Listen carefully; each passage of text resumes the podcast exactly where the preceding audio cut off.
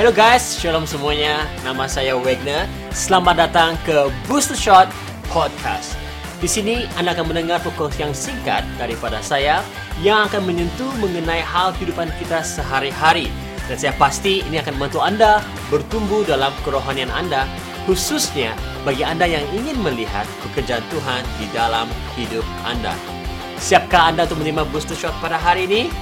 Here we go!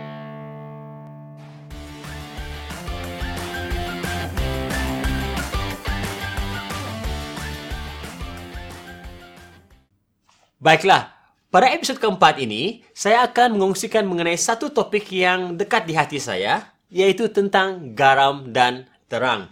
Untuk topik ini, saya harus bahagikannya kepada dua episod. Nah, episod bagian pertama berbicara mengenai garam, manakala bahagian yang kedua, saya akan menyentuh mengenai fungsi kita sebagai terang ataupun cahaya dunia. Nah, kita semua diciptakan Tuhan untuk berfungsi sebagai garam dan terang dunia. Dalam Matius pasal 5 ayat 13 hingga 16 berkata begini, Kamu ialah garam bumi. Jika garam menjadi tawar, tidak mungkinlah masin semula. Tidaklah berguna lagi, hanya layak dibuang dan dipijak orang. Kamu ialah cahaya dunia ini. Kota di atas bukit tidak mungkin tersembunyi. Tiada siapa memasang pelita lalu menyorokkannya di bawah pasu. Tentu dia meletakkannya di atas kaki pelita untuk menerangi seisi rumah. Biarlah cahayamu juga bersinar di hadapan orang ramai, supaya mereka melihat perbuatanmu yang baik lalu memuji Bapamu yang di surga. Amin. Nah, kalau Anda mungkin pernah melihat satu uh, filem animasi yang bertajuk The Madagascar, ya, ada satu daripada karakter utama dalam filem tersebut yaitu Alex the Lion, okay, seorang uh, seekor singa. Nah, apa yang berlaku? Karena Alex ini singa yang dibesarkan di dalam zoo, ya, dia bergantung kepada manusia untuk memberinya makan. Ya, dia juga dalam dalam filem itu bergantung kepada sorakan, tepukan, applause daripada manusia untuk membangun rasa keyakinan dirinya itu self esteem. Ya. Bahkan yang menarik sungguh mengenai mengenai uh, Alex ini bila dia di luar daripada zoo, dia seolah-olah tidak berdaya, tidak tahu bagaimana untuk hidup di hutan. Ya. Padahal dia lupa bahwa identitinya sebagai seekor singa, king of the jungle, raja uh, bagi hutan, ya. Nah, hari-hari ini semakin ramai orang Kristen yang kehilangan ataupun keliru dengan identiti mereka sebagai murid Kristus. Ya, oleh karena mereka keliru dengan identiti mereka, maka tujuan hidup uh, mereka pun sama ada tidak jelas ataupun tidak sama seperti yang Tuhan sudah rencanakan. Pertanyaan saya untuk episode kali ini, seberapa banyak di antara kita yang sebenarnya tidak jauh beza daripada Alex the Lion? Ya, kita keliru dengan identiti kita sebenar dalam Kristus. Oleh karena ada kekeliruan ini, maka kita tidak jelas mengenai apakah tujuan kita berada di dunia ini. Ya, jadi istilah garam dan terang atau dalam terjemahan uh, kita versi Borneo menggunakan garam dan cahaya. Ya, mengapa Yesus menggunakan uh, perumpamaan mengenai garam dan terang ini? Ya, mengapa tidak pakai mutiara dan emas? Mengapa Yesus tidak bagi tahu kepada murid-muridnya bahwa kamulah mutiara dunia ini, kamulah emas dunia ini? Ya, kan bagi kita manusia emas dan mutiara jauh lebih berharga daripada garam, betul tidak? mengapa Yesus menggunakan garam dan terang. Nah, garam dan terang adalah perkara basic, perkara dasar yang diperlukan oleh semua orang, tidak mengira status, kekayaan atau latar belakang.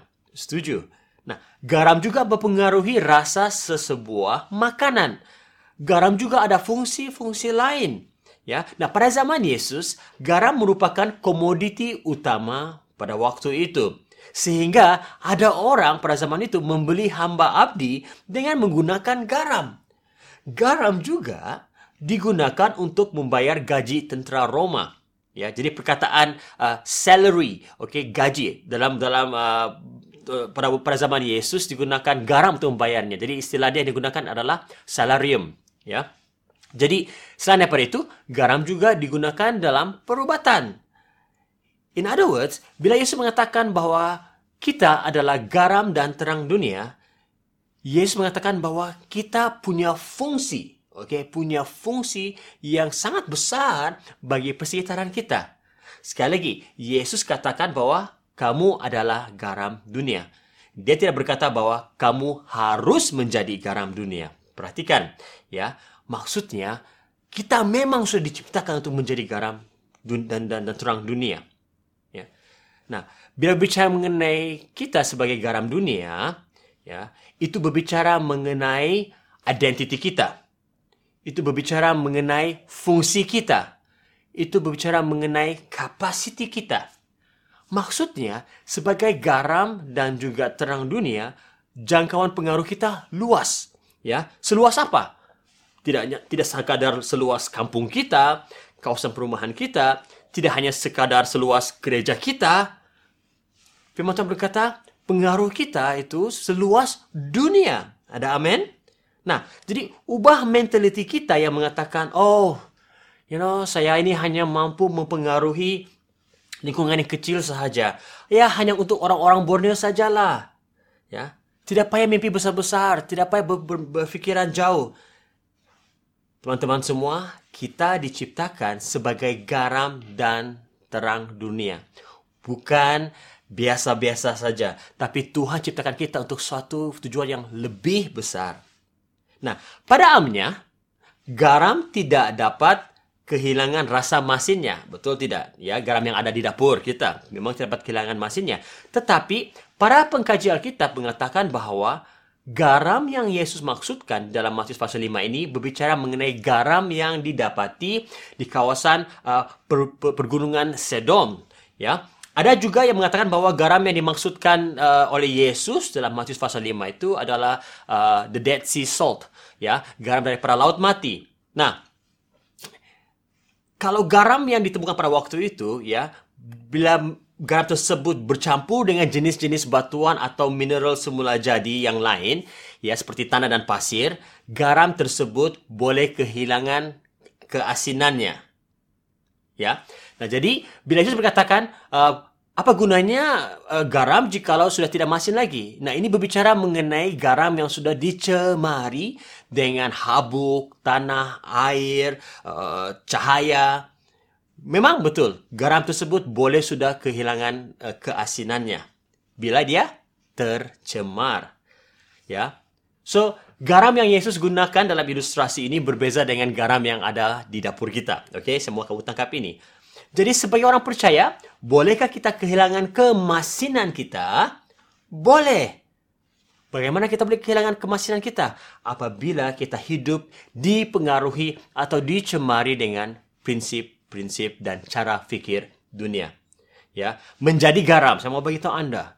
Menjadi garam bukan bermaksud perbuatan luaran kita saja. Ya. Sebab apa? Menjadi garam bukan soal apa yang kelihatan luaran. Nah, bayangkan di tangan saya ada satu uh, serbuk putih. Oke, okay, serbuk putih. Ya, saya boleh mengatakan bahwa oh di tangan saya ada garam. Kelihatannya seperti garam karena serbuk putih. Tetapi bagaimana Anda tahu bahwa apa yang saya katakan ini benar? Bila Anda merasakan sendiri serbuk putih tersebut, baru Anda tahu itu adalah garam.